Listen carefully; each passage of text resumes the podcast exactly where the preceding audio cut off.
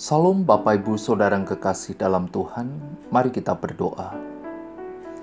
Bapa di dalam sorga, tenangkan hati kami untuk belajar firman-Mu. Di dalam nama Yesus, amin.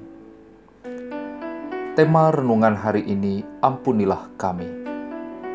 Matius pasal 6 ayat yang ke-12 berkata, Dan ampunilah kami akan kesalahan kami, seperti kami juga mengampuni orang yang bersalah kepada kami. Dalam doa Bapa kami, dan ampunilah kami akan kesalahan kami.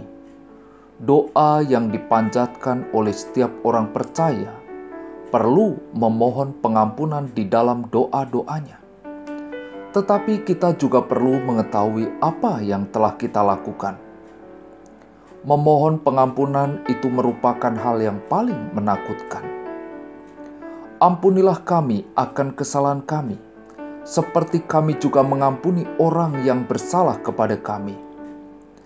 Secara harafiah, permohonan itu berarti: "Ampunilah dosa kami seimbang dengan pengampunan yang kami berikan kepada orang yang berdosa terhadap kami."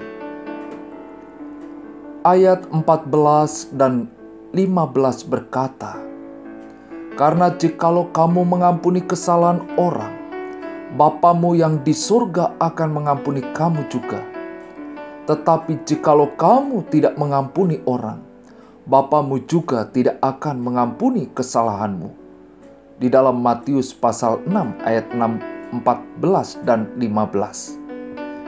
Ayat 14-15 Yesus mengatakan secara jelas dan gamblang, bahwa kalau kita mengampuni orang lain, maka Allah akan mengampuni kita, dan bahwa apabila kita menolak mengampuni orang lain, maka Allah pun akan menolak mengampuni kita.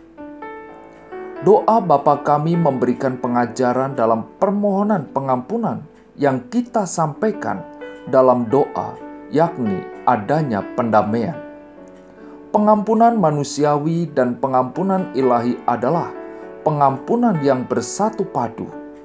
Pengampunan kita kepada sesama kita tak bisa dipisahkan dari pengampunan Allah kepada kita.